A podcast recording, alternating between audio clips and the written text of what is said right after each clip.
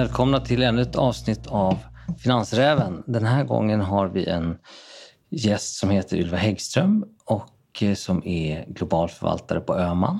Berätta lite om dig själv. Ja, Välkommen förresten. Tack skulle jag säga. Jag tänkte att du sa välkommen där så Ja. jag sa tack i alla fall. Nej, men om jag ska berätta någonting om mig själv så kan jag väl börja säga att jag är eh, ångermanlänning i eh, själ och hjärta. Men mina föräldrar flyttade söderöver så att jag är uppvuxen i Stockholm.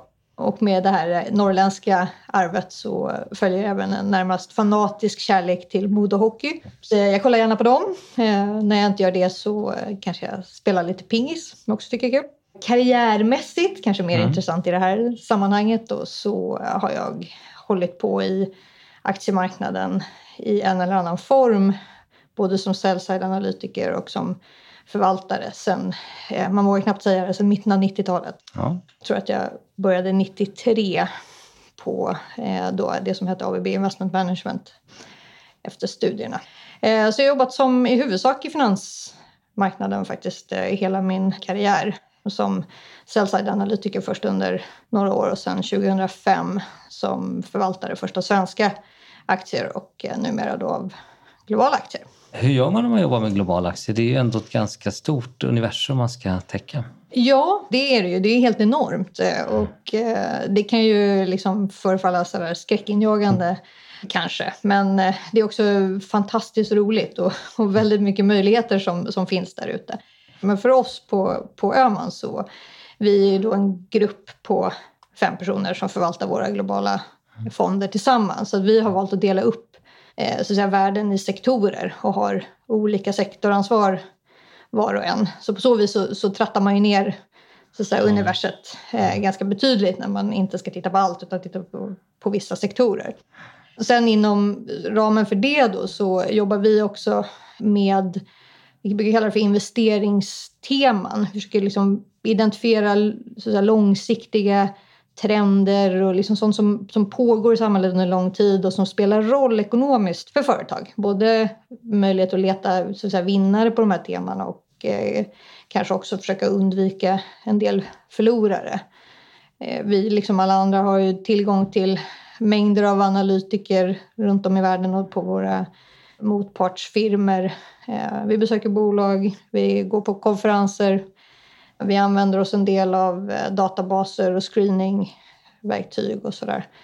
Eh, för att liksom försöka tratta ner det till något hanterbart som man kan titta på och följa och hitta de där guldkornen som man, man är på jakt efter. Ni kör teman. Vad, vad har ni Mm. för stora teman idag som ni fokuserar på? Som ni tror kommer driva? Mm, vi, har väl, vi har så att säga, börjat med att egentligen kategorisera in, alltså det här är ju verkligen inte någon raketvetenskap. Det, här, det är nästan så att min mamma kan lista ut det här. Vi fokuserar mycket på demografiska förändringar, digitalisering, inte så konstigt kanske, eh, och också miljö och klimat. Det finns ju säkert flera sådana här stora megatrender ute i samhället. Vi har valt de här tre. Och utifrån dem sen letar vi lite tydligare så beskrivningar och, och underteman kanske vi kan kalla det för.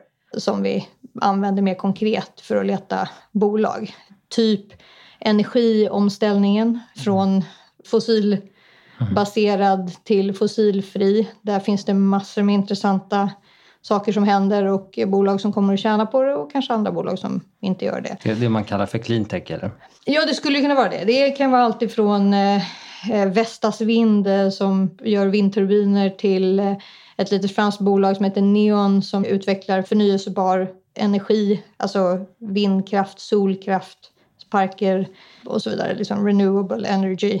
Det kan väl också på det temat vara omställningen från fossildrivna bilar till elbilar eller kan man investera i batteritillverkare eller är det några som du, såna här investeringar, så här, här var vi, låg helt rätt, här var vi tidigt ute som sen har fallit väl ut? Några sådana som ni har gjort?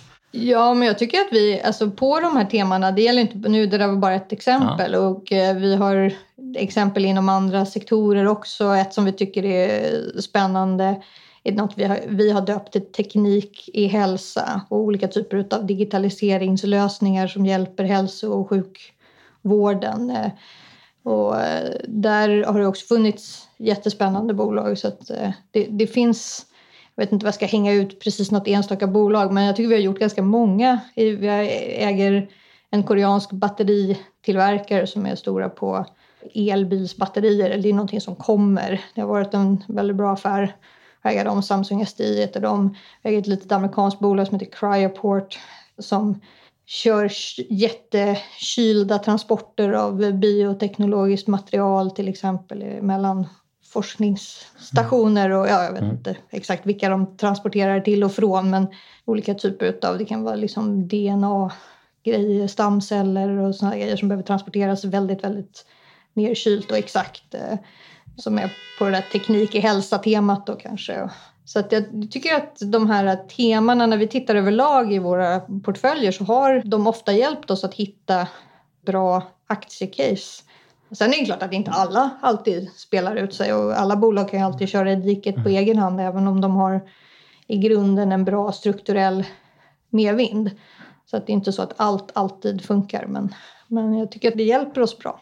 Du snuddade lite grann vid att undvika att hitta förlorare. Det är någonting som, kan man undvika förlorarna så har ju kommit en bit mm. på vägen för en bra mm. avkastning. Va, va, mm. Har du några speciella erfarenheter? Du har ändå ja, varit i branschen kan, Ja, men vi kan väl i och för sig ta det här med elbilar och, mm. och förbränningsmotorn och sådär. För vi identifierade för ganska länge sedan, alltså nu pratar vi liksom flera år tillbaka i tiden, att biltillverkarna liksom stod inför en jättestor utmaning. Visserligen så tjänade de bra med pengar, tjänade bättre pengar än vad de hade gjort på många år. Men de stod inför den här utmaningen att vi måste ändra vårt förhållningssätt till bilindustrin. Det liksom regulatoriska förändringar kommer in som, som pressar bolagen att minska sina CO2 eller sina produkters CO2-utsläpp. Och att de traditionella biltillverkarna skulle ha så otroligt stora investeringsbehov framför sig för att ta sig an den här utmaningen. Att försöka hitta, sig, ska BMW bli vinnaren i elbilsracet eller är det Tesla som blir vinnaren i elbilsracet mm. eller är det Peugeot eller liksom vem, vem vinner eller är det någon annan vi inte känner till? Det var svårt att, att svara på. Vi tyckte bara att vi såg väldigt mycket utmaningar för biltillverkarna. Så vi valde istället bort dem helt och hållet och har inte ägt en enda biltillverkare på mm. väldigt länge. Men vi tror mycket på elbilsomställningen. Så då har vi istället då valt att investera i mer underleverantörer kan man väl säga då, till elbilstillverkningen. Sen så om det blir BMW som blir vinnaren i slutändan och vi hade fel på det så fine. Men då har vi ändå ägt eh, batteritillverkare, underleverantörer till batteritillverkare, bolag som gör laddstolpar till elbilar mm. och, så, och försöka liksom spela runt det och mm. undvikit själva biltillverkarna. Och mm. det har ju, så här långt i alla fall, det har varit bra. Mm. Så hur ser en typisk dag ut? Alltså om det är några studenter som lyssnar nu så, så vill jag ju bara säga att det, det, här är ju typ världens roligaste jobb. För att det finns ju nästan ingen typisk dag. Eller ja, det är klart det är mycket grejer som ändå kommer igen. Men det är också otroligt variationsrikt. Jag funderade lite på om, alltså som typ igår då, idag, den här dagen kommer jag hit då. Men, men igår så ägnade jag förmiddagen. September är typisk eh, konferensmånad. Mycket konferenser och nu med covid-19 så kan man inte åka någonstans. Då får man sitta framför datorn. kan man vara med på alla möjliga konferenser. Så igår ägnade jag eh, hela morgonen med kaffekoppen i handen åt att lyssna på fyra olika bolag eh, från olika delar av världen. Om ja, vad de hade för sig och hur de såg världen framför sig. Eh, sen på eftermiddagen så fortsatte jag min förkovring inom eh, vätgas som är ett jättespännande område som verkligen är hett nu och hänger ihop med klimatomställningen. Och vätgas skulle potentiellt kunna spela en, en väldigt viktig del i den här eh, energiomställningen. Och det där är ju lätt så, liksom, för mig någonting jag inte kunde någonting om för typ ett par månader sedan. Och nu läser jag på allt jag kan. Så då ägnade jag mig åt att eh, läsa lite research om det och sen hade jag ett kundmöte och ja, så såg den dagen ut. Men det är klart att eh, det innehåller en blandning av att eh, läsa på om bolag, att träffa bolag, att prata med analytiker, att prata med mina kollegor om olika idéer och så. Men man får, man får betalt för att bli väldigt allmänbildad. Kul! Så studenter, kom hit! När ni gör investeringar Hur länge behåller man ett innehav och hur vet man om man ska släppa det? Det är en bra fråga faktiskt. Vi brukar Tack. ju säga att, att... Det var första bra frågan. Nej, jag skojar bara. Vi brukar ju säga att vi är långsiktiga. Det är en intressant grej att fundera på. Vad menar man med det egentligen? Och eh, med det så menar vi att vi är långsiktiga i hur vi utvärderar bolaget. Så om jag tittar på ett bolag så vill jag liksom titta på bolaget och ha en uppfattning om hur det kommer att utvecklas några år fram i tiden. Jag struntar lite i hur nästa kvartal, det närmast kommande kvartalet är lite bättre eller sämre än, än vad marknaden förväntar sig. Utan jag försöker titta, hur ser förutsättningarna ut för det här bolaget, säg 3 till 5 år framåt i tiden. Och basera, tycker jag att det här är en intressant investering givet den här bilden. Sen kan jag ha fel, men, men som jag tror att den är. Det menar jag är så att säga, en långsiktig ansats. Sen är frågan så här, har jag kvar bolaget i tre till fem år? Nej, det är ju inte säkert.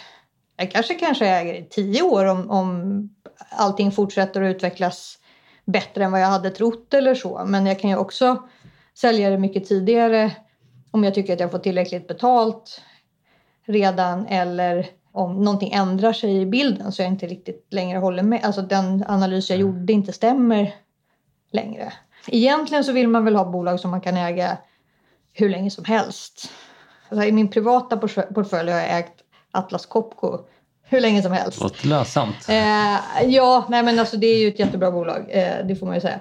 Och det är klart att, att hitta sådana som man bara kan liksom ha där som en bas i portföljen. Det är ju såklart fantastiskt. Men det gör man ju inte så ofta. Och saker och ting förändras. Man hittar något som är ännu mer intressant och så. Men vi försöker i alla fall vara långsiktiga i vår syn på bol bolagets verksamhet. Och sen kan vi vara ganska kortsiktiga ibland i hur länge vi äger det beroende på hur det utvecklas. Ja, hur jobbar man där med tajmingen? För det blir ju ändå, kan ha ganska avgörande betydelse för vilken avkastning man får. Ja, man vill ju alltid eh, kö köpa billigt och, och, sälja dyrt. Det blir ju inte alltid så. Det är lite lättare för, alltså i vår värld, vi förvaltar ju aktiefonder. Våra kunder som har investerat, de förväntar sig att äga aktier för de pengarna. Så för oss handlar det ju mycket om ett relativt spel. Det är inte så att vi sådär går ur marknaden och in Nej. i marknaden. Det är ju kundens beslut. Ni är Har de- fullinvesterade hela tiden. Ja, så gott som. Vi har i Mm. princip bara en eh, transaktionslikviditet. Eh, Det är inte vårt jobb. Kunden har valt att investera i globala aktier. Då ska hon och han få det.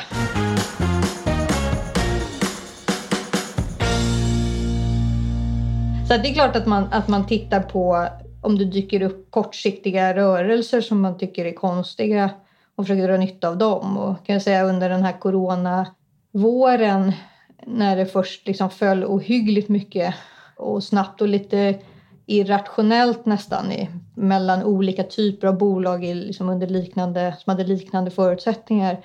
Så klart vi försökte dra nytta av, av sådana rörelser. Och det är klart att ibland när man har någonting som man visserligen gillar men som går så otroligt starkt under någon period att man kanske ändå hyvlar lite på den positionen eller säljer av den. Det känns som att det går liksom för mycket och så kanske, kanske man ändå gillar bolaget och tänker att det kan komma tillbaka till det vid ett senare tillfälle. Det är inte så lätt som det låter. Nej, jag kan tänka mig det. Eller jag vet det. Du nämnde ju coronan. nu. Då eh, hade vi en situation där marknaden bara störtade och sen Mm. så rekylerar har rekylerat upp. Vad, vad, har du gjort någon reflektion kring det? För det var ju ändå en ganska speciell situation. Ja, verkligen. Det gick ju otroligt fort ner. Fortare än det har gjort. Jag har ju ändå varit med under några, alltså finanskrisen, jag har varit med på IT-bubblan och kraschen och sådär. Så jag har ju sett några sådana här perioder. Det här var ju, gick ju otroligt fort och det var enormt stora rörelser. Alltså man kunde ha bolag som intradag gick ner 12 procent och stängde upp 6. Liksom så här 20 procentiga rörelser liksom under åtta timmar.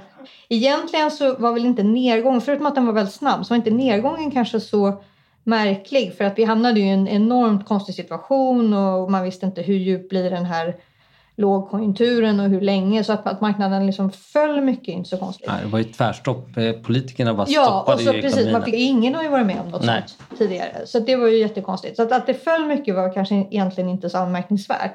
Men att det rekylerade så otroligt fort. Det är ju kanske mer Mm. förvånande. Så att lite har man väl känt att eh, ställ dig inte i vägen för det här pengatåget. Nej, för, Don't fight the feds. nej men eh, precis. Uppenbarligen så finns det ju så enormt mycket Mm. pengar i systemet och såklart eh, påeldat utav alla både centralbanksinsatser och politiska alltså, viljor att stimulera. Och, alltså i USA, det har väl aldrig hänt förut att de skickar ut liksom checkar till folk. Bara, så här. Nej, det är lite... det var inte riktigt van vid. Nej, så, att, så att, eh, jag tycker väl att återgången var väl betydligt fortare. Det gick mycket fortare än vad jag hade föreställt mig. Och eh, gjorde ju också att sen i somras där så har det ju känts lite mer skakigt kan jag tycka. Alltså in, inte marknaden har inte varit så skakig förutom egentligen nu kanske på slutet. Men, men mer att man känner, är det verkligen så här bra? Ska vi verkligen bara blåsa faran över? Det har dragit iväg lite väl mycket. Så vi har väl haft, försökt att ha en lite mer defensiv tilt på våra portföljer. Och, ja, vi har väl känt att det har gått lite väl snabbt. Ja. Men det har ju fortsatt att, tuffa på. Så att, eh, Jag tänker på två frågor. Den ena är, är finns det fortfarande fyndköp kvar att göra efter coronan? Ja, men det tycker jag nog att det gör. Alltså inte marknaden överlag kanske känns lite eh, högt värderad. Men det har också varit väldigt stora skillnader i vad som har gått starkt och vad som har laggat efter. Och för oss som förvaltar globala aktier så finns det ju till exempel, så det har ju varit ett antal väldigt stora bolag som har gått väldigt starkt. Medan små bolag inte riktigt. Och visst, det har åt, småbolag har hämtat sig lite grann efter nedgången i våras och, tagit igen lite på stora bolag. Även globalt. Eh, I Sverige har det också gjort det och gjort det mer. Men eh, det finns ju definitivt bland mindre bolag aktier som är mer rimligt värderade eller kanske till och med fortfarande attraktivt värderade.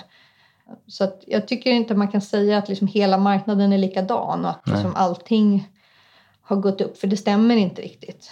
Utan det är ju vissa delar, mycket tech-relaterat och sånt som har varit tydliga vinnare på work from home och vaccin. Vi äger ju till exempel Moderna då, som ju kanske ligger längst fram i det här. Sen om det blir de som vin- vinner vaccinkampen eller inte, det ska vi väl låta vara osagt. Men de har i alla fall kommit en bit på väg. Och sådana aktier har ju gått otroligt starkt, eller gjorde framförallt i våras. Men alltså, det finns annat som inte har rusat iväg. Ja, det finns nog fynd. De är inte lika lätthittade som de var i början på april, såklart. Det är en situation där centralbankerna har agerat eh, kraftfullt. Eh, men de har också gjort en del ovanliga saker. De har, har inte om att de har likvidiserat ekonomin enormt. De har köpt företagsobligationer. En del centralbanker köpt till och med aktier, den japanska. Effekten blir ju att risken slås sönder i, i hela eh, ekonomin. Alltså riskbegreppet blir helt annorlunda. Eh, därför att eh, det är inte lika riskfyllt att ta investeringar. Följden kan ju bli då, och det var där, eh, det jag tänkte fråga dig om, att, att tidigare har man kanske sagt att P tal på 15 har varit någon typ av normalt. Kommer vi få en omvärdering där så vi får P 25 som blir det nya normala? Eller är det, hur ska man förhålla sig till det här? Alltså det, jag, jag vet inte. Vad, vad blir det nya normala? När jag började i branschen det var P10. Någonting man tyckte var, var lagom. Men det var också räntenivåerna Nej, 10 procent. ja. Nu är de ju inte det. Så att jag tror det är fortfarande så, trots att aktier har gått så himla starkt, så, så säga, relativt räntebärande investeringar så är ju aktier fortfarande attraktivt värderade. Trots att de har gått så otroligt starkt och trots att värderingarna så att säga, på pappret ser så enormt höga ut. Ska vi vara kvar i den här äh, räntevärlden forever och i det här äh, lågtillväxtscenariot forever, ja, då ska väl äh, aktier generellt värderas mycket högre än vad de har gjort historiskt, kanske till och med högre än vad de gör nu. Vi kanske fortfarande kanske är för lågt värderade, jag vet inte. Men definitivt värderas högre och de bolag som växer kommer ju värderas högre. För att just jakten på den här tillväxten i en värld som inte står still men växer väldigt långsamt. Den blir ju galnare och galnare. Och då kommer man in till en annan så här ganska vanlig diskussionspunkt mellan folk som håller på att handla aktier. Värdeaktier, är man värdeinvesterare eller tillväxtinvesterare? Mm. Den senaste tiden har det varit eh, tillväxtinvesterare som har eh, kommit vinnande ur. Mm. Kommer det fortsätta vara så tror du? Alltså jag tror nog ändå det. Det kommer att vara perioder när det där sätts ur spel och det blir någon sell-off på, på tillväxtaktier och det blir något value rally. Vi har ju haft några sådana små försök här under, under året. Men jag tror att så länge världen inte växer snabbt som jag precis sa så då är värdet av tillväxt ändå så intressant. Så att eh, tills vi får, går tillbaka, om vi nu någonsin gör det, till en mer cyklisk värld. Alltså som när jag började på 90-talet när det var liksom uppår, när konjunkturen var stark och sen var konjunkturen svag. Och när man var sell-side-analytiker och följde verkstadsbolag på 90-talet, tre år ut då hade man alltid ett nerår. Mm. Nu när jag tittar på, på analytikers förväntningar, de har aldrig några nerår. Det ska bara gå upp liksom hela tiden. Och det är klart, tillvaron har förändrats. Men så länge vi inte är där i att det blir så här klassiska ekonomiska cykler med upp och ner så tror jag att värdeaktier som kollektiv i alla fall har det lite motigt. Sen finns det alltid enskilda aktier som, som kan vara felvärderade och där man ser att det här bolaget kommer tjäna mycket mer pengar än vad vi tror och så kan det handlas upp. Mm. Men det är mer, tror jag, på bolagsnivå. In, ja, på bolagsnivå. Medan så kollektivet, så länge vi lever i den här makromiljön så är det nog fördel tillväxt. Ja, men centralbankerna har ju nu vant oss att går det lite dåligt så kommer det pengar. ja, det verkar så. det är, lite, är det lite happy days are here again? Nej, jag vill inte säga det ändå. Alltså det, det är klart att det är enormt mycket stöd ifrån centralbanker och från politiker och, och, och så just nu kopplat till corona och lågkonjunkturen. Mm. Men alltså hur den här konjunkturen spelar ut sig och om det blir förnyade nedstängningar här senare i höst och det visar sig att 2021 eh, inte når upp i nivå med 2019. För nu har man ju på något sätt lite sagt att, eller om man tolkar hur marknaden beter sig så ja, 2020 är ett förlorat år men det gör inte så mycket. 2021 så är vi i princip tillbaka där vi var 2019 och sen ja, har vi lärt oss att leva med mm. covid-19 och så inget mer med det. Om det inte blir så så vet jag inte om happy days are here. Men det kommer att gå att hitta bra aktier och det kommer att finnas dåliga aktier. Det kommer att göra varje år oavsett. Jag vågar inte säga att det är happy days och det är liksom fem år till av aktieuppgång. Det skulle jag inte våga påstå. Det, bra. det fanns en sån klassisk eh, första sida från Veckans Affärer och sen kom det stora börsraset. det, det brukar vara, vara precis så det är. Det var som det var någon företagsledare som sa att eh, konjunkturen är död. Det var så här, två veckor före finanskrisen eller något sånt där. Jag, jag tror Christer Gardell sa något sånt 19, 2008 men eh, jag okay, låter ja. vara lite osäkert. Ett annat sätt att titta på, på det här som skulle vara intressant att höra din syn på. Det finns forskning som visar att small cap-aktier generellt går bättre än mid cap och mid cap går bättre än large cap. Har du några tankar här? Ja, men det där är ju en intressant eh, del av marknaden att titta på tycker jag. Små bolag eller mindre bolag kan vi väl säga. Eh, vi har ju en, faktiskt ganska nyligen då startat en, en global småbolagsfond. Det finns mm. ju inte så många eh, globala småbolagsfonder. Det finns ju rätt så många, jag tror svenskarna har omfamnat svenska småbolagsfonder mm. sedan länge och, och, sett den där mm. tendensen. Så att, den stämmer väl, den har kanske stämt extra mycket i, i Sverige. Och, eh, men även om du tittar internationellt så över långa perioder så har ju småbolag typiskt sett gått bättre än stora bolag. Sen har det varit perioder, kortare perioder när det, har, det omvända har varit fallet. Framförallt i just börskrascher brukar småbolag mm. ha det lite kämpigare, lite mindre likvida och, och lite högre risk. Och det är mm. därför man ska ha betalt för småbolag. Det är lite högre risk. Du ska få en bättre avkastning för mm. eh, du, du förtjänar det så att säga, för att ta den risken. Eh, men det är också bolag som, alltså små bolag typiskt sett växer lite snabbare än, än stora. De, har oftast en, de växer från en mindre bas, de har oftast mer renodlad verksamhet, eh, lite mer entreprenöriella, snabbfotade. Ja, det finns säkert mycket som, som så säga, stödjer så säga, varför de växer snabbare och som jag just var inne på, tillväxt eh, är ju attraktivt i marknaden.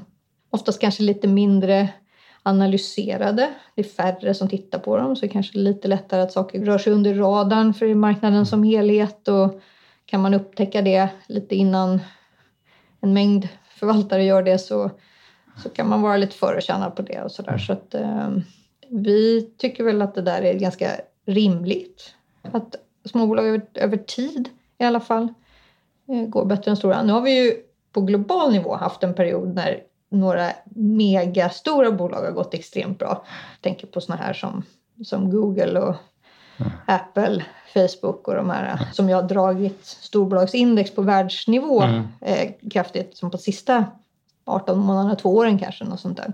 Mm. Så småbolag har inte riktigt hängt med på samma sätt som de har gjort om vi drar ut eh, kurvan lite längre. Men eh, på sikt så tror jag det där är, det håller och så, är intressant. Så er fond som investerar i microcaps, small caps, mm. vad, vad har ni för gränser? Där, vad, är, vad, betraktar ni som mindre bolag? Ja, man kan säga att vårt huvudfokus, nu pratar vi om den globala småbolagsfonden, ja, ja. Eh, vi har ju även svensk småbolagsfond. Ja. Eh, vårt huvudfokus ligger på bolag mellan ska säga, 1 och 4 miljarder dollar i market cap. Så inte så här pyttesmå Nej, ganska halvstora bolag. bolag. Ja, men de, vi vill att de ska liksom ha bevis, bevisat att de har en fungerande verksamhet. Och lite kassaflöden. Ja. ja, nej, men då, alla har inte kassaflöden. Det beror lite på vad det är för, mm. för bransch. Och, Eh, och så. Vissa är ju liksom stark tillväxtfas och kan vara okej okay om mm. de inte har några kassaflöden.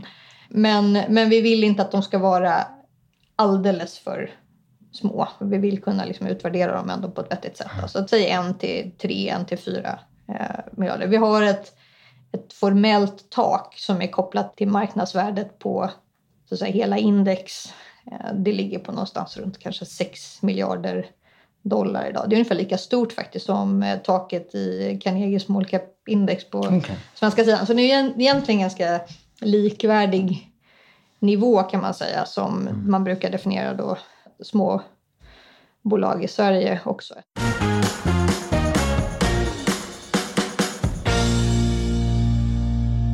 Och vad har, ni, vad har ni gjort för investeringar i fonden som är publika? Vi har väl ett 50-tal innehav i, mm. i eh, portföljen. Den startade ju i december i mm. fjol så att den är snart firar den ett år.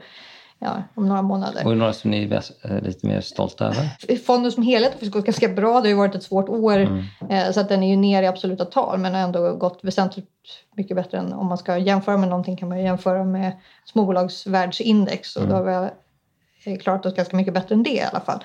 Vi har haft några fantastiska aktier som eh, till exempel ett litet holländskt bolag. Det är en miljard, kanske lite drygt nu i market cap dollar. Som heter Alfen, som är på vårt tema ny energiteknik. De gör eh, man kan säga, olika produkter för smarta elnät. Eh, och det är ju, om jag får lägga ut texten lite så när vi går ifrån eh, så säga, stora kärnkraftverk eller koleldade kraftverk som är jättestora och centrala och bara skickar all ström åt ett håll mm. till nät där vi har eh, förnyelsebara energikällor, solcellsparker och vindparker och grejer som är spridda över hela kontinenten på jättemånga olika platser och som inte heller är så stabila. Man vet inte alltid när det blåser och det är inte alltid solen skiner och sådär. Så ställer det jättestora krav på elnäten för att de ska klara av det här. Och Alfen, är, ungefär halva deras verksamhet är olika typer av produkter och tjänster för att stabilisera och göra så att näten klarar av den här nya världen som de lever i. Då. Så det är halva verksamheten. Sen är 20 procent kanske laddstolpar till elbilar som växer med 150 procent om året. Mm. Något sånt här just nu. Eh, och sen gör de även lite storskaliga batterier. Eh, och det här bolaget är väl upp 300 procent eller något sånt där. Så det har varit en jättelyckad mm. investering som vi är glada över att vi har varit med på. Vi äger ett amerikanskt bolag som heter Cryoport som gör, jag var inne på dem tror jag tidigare, mm. som skickar DNA-material och stamceller mm. och sånt där då, i väldigt specifikt. Det ska vara så minus 140 grader typ i mm. transporterna och väldigt viktigt att det är precis exakt. Det är också en aktie som har gått fantastiskt bra. Så att, ja, det är väl lite bra. Vi försöker jobba runt våra teman. Det som är roligt med den här temansatsen när det gäller små bolag är att det går att hitta mycket mer precis exponering mot temat. Jag brukar ta det här med laddstolpar som ett exempel. Alltså en stor tillverkare av laddstolpar är ABB. Men problemet om man investerar i ABB för att man vill ha exponering mot laddstolpar är att ABB är så himla stort så att laddstolparna mm. försvinner liksom i, det blir bara lite brus mm. i den här gigantiska koncernen. Medan i lilla Alfen är det 20 procent av verksamheten. Och det gäller i många andra mm. bolag också. Att just de här, om vi har hittat något tema som vi tycker är väldigt spännande och en strukturell medvind för vissa verksamheter så går det att hitta bolag med mycket mer exponering mot det i små bolag. Och det tycker jag har hjälpt oss bra under det här året i alla fall i, i förvaltningen av den här småbolagsfonden. Lite av anledningen till att vi startade den här småbolagsfonden var ju att vi hade väldigt god erfarenhet av investeringar i mindre bolag i våra andra fonder. Mm. Alltså vi såg ju att när man träffar rätt där så får man ju oftast väldigt bra betalt. Och att det skulle vara intressant att ha en hel portfölj av småbolag. Så att säga. Och ni har ungefär 50 investeringar? Ja, jag tror 53 idag. Vad tycker du är liksom en bra nivå på antal aktier i en portfölj? Det beror lite på tror jag, hur stor portföljen är. Alltså om man är Robur och förvaltar mm. 100 miljarder eller något sånt där så är det svårt att, att ha en extremt koncentrerad eh, portfölj. Vi har väl sagt att vi vill ha någonstans runt 50-60 innehav i den här. Jag tror över tiden kanske det blir lite fler eh, med tanke på att det kan vara mer likviditetsrestriktioner och så. Men i vår stora portfölj, 15 miljarder i förvaltat kapital som, där vi investerar brett över alla storlekar på bolagen. Där har vi ju kanske 80 innehav och sånt där. Och det är väl okej okay att ha. Men man vill ju samtidigt kunna hålla koll på bolagen så att de får inte bli flera hundra. Så, att, så det är någonstans mellan 50 och 90 då, lite beroende på hur stor portföljen är, lite beroende på vad den har för profil. Om man har en, en fond som är mer så att säga, specifik på något särskilt område. Om vi skulle ha en ren energifond eller eh, renewable energy-fond då, kanske man har, då har man ju liksom redan gafflat in sig någonstans. Då tycker jag då kan man ju ha färre innehav. När ni investerar, har ni olika, kör ni alltid ungefär samma storlek på investeringen eller varierar det? I småbolagsfonden så har vi i princip, eftersom inga bolag väger någonting i index så behöver vi inte bry oss om det kan man väl säga. Så då har vi väl en ganska lika viktad portfölj. Mm. Sen förändras ju det beroende på hur, hur bolagen går varje dag. Så ah, ja, Alfen exakt. som har gått väldigt bra var ju helt plötsligt, liksom, om det började på 2 procent var helt plötsligt 4 procent. Mm. men, eh, men från så initialt så är det... Ja, nej, men runt, eh, precis. Om man har 50 innehav så blir de ju ungefär runt 2 procent. Mm. I storbolagsportföljen så kan vi ibland tänka lite annorlunda för där finns det ju några bolag som, som är lite större och väger mer i jämförelseindex till exempel. Om du tar Apple, det är ett stort bolag, kanske man inte vill vara helt nollad i det om man nu inte känner att man är jätteövertygad om att det ska gå superbra så kanske man ändå vill ha någonting i det. Mm. Så, att, mm. så att det lite beror på portföljens karaktäristik också. Är det något svenskt bolag som har platsat in i fonden? Ja, då, vi har absolut, Sverige är en del av världen så att ja, eh, Sverige får, får, får, vara med. Men det är klart, vi har inte så jättemycket nej, nej. svenska bolag. Vi har eh, en annan som faktiskt har varit en riktig raket i småbolagsfonden är Sinch. Som vi eh, har den. Då. Det är ett svenskt bolag mm. Eh, som, ju har, som håller på med sms-teknologitjänster. Mm. Det har ju gått fantastiskt bra. Eh, vi har ett finskt bolag som heter Musti som eh, vi var med i nyintroduktionen utav, jag tror att det var i början på året, som är också på ett tema vi har kring husdjur. Jag vet inte om du känner till Musti? Ja, men de, de, berätta, jag tror jag känner till dem. Du känner till dem? Ja. Mm. De eh, säljer ju eh, framförallt eh, mat och kring prylar till husdjur. Det där tycker vi är ett jätteintressant tema därför att vi tror ju att det här med att husdjuren blir en del av familjen eh, verkligen och kommer nä blir nära familjemedlemmar. Mm. Det är någonting som, som växer sig allt större, inte bara här i Norden. Must är ju bara i, i Norden, då, stora Finland och Sverige och växer i, eh, även i Norge där de är lite mindre. Men Musti äger vi då i eh, småbolagsfonden som eh, faktiskt också har gått fantastiskt eh, bra. Och det tror jag förstärks lite av den här coronakrisen. Jag själv aldrig, jag kan inte komma ihåg när jag hade så mycket kompisar som skaffade hund som i år. du ser. Vi har fått RUT hem till oss. Ah, du ser, du ser. Ja men precis, jag har eh, flera kompisar som eh, antingen väntar på valp eller har eh, redan fått hem eh, lilla underverket. Eh, det passar bra, man måste vara hemma mycket. Ja, precis. Det var så de resonerade också. Mm. Det förstärker väl så att säga, den här trenden precis just nu men, men vi tror att den är mycket längre än, än så. Och att eh, alla som har haft, nu har ju du RUT och alla som har mm. haft eh, husdjur vet ju hur, eh, fantastiskt kära familjemedlemmar de, de blir. Och att intresset för att spendera mer pengar på dem eh, det definitivt finns ingen budget. Det finns, det finns inget stopp. Har du någon favoritförvaltare, någon, någon förebild? Inte så jättetydligt. Jag tycker jag har genom åren har samlat på mig lite klokskap ifrån eh, många olika håll, olika personer och sådär. Möjligen en jag skulle kunna nämna. Precis när jag var ung och grön och, och jobbade på ABB så hade vi ett samarbete med en eh, jag tyckte han var en farbror då. Nu inser jag att jag, han antagligen var ungefär i min ålder nu. Mm. nu eh, som heter Foster Freeze. Eh, som jag tror... Brandywine. Ja, precis. Och jag tror att han förvaltade pengar åt Nobelstiftelsen. Exakt. Jag besökte honom när jag var på Affärsvärlden. Är det så? Ja, mm. han, hängde, hängde, han var så här riktig cowboy-snubbe. Och, Satt i Maryland. Ja, och sen tror jag han flyttade till Jackson Hole eller om han hade Kanske något ställe i Jackson Hole. Men han gillade den här cowboy-stilen i alla fall. Och det, det jag ska komma till är att mm. han brukade likna sin portfölj vid typ en sån här ho med mat till grisar. Och så sa han att, att eh, du, säg att det fick plats då 20 grisar snedstreck aktier då vid den här hon. Så var det ju alltid så att det var ju de hungrigaste grisarna som liksom trängde sig fram och tog plats vid hon.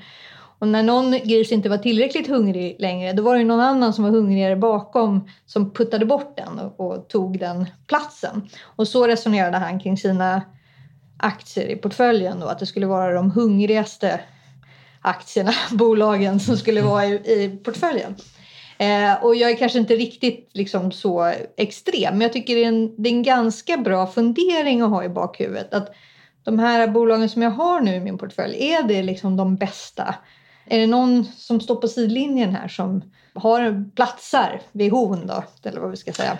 Det kan ju underlätta man... att sälja dem som inte som man förlorar lite pengar nej, på till och så, exempel. Precis. Och sen eh, exakt, är det någon som inte är så hungrig längre som borde puttas bort? Så det är själva den här eh, tanken att fundera kring inte bara addera. Det är alltid väldigt lätt att bara addera ett innehav till. Ja, men det här tycker jag låter spännande. Så jag, jag tar lite ifrån alla och så har jag ett till och så har jag ett till och så har jag ett till. Men att våga ifrågasätta de man har och kanske liksom säga att ska det här in så ska något annat ut.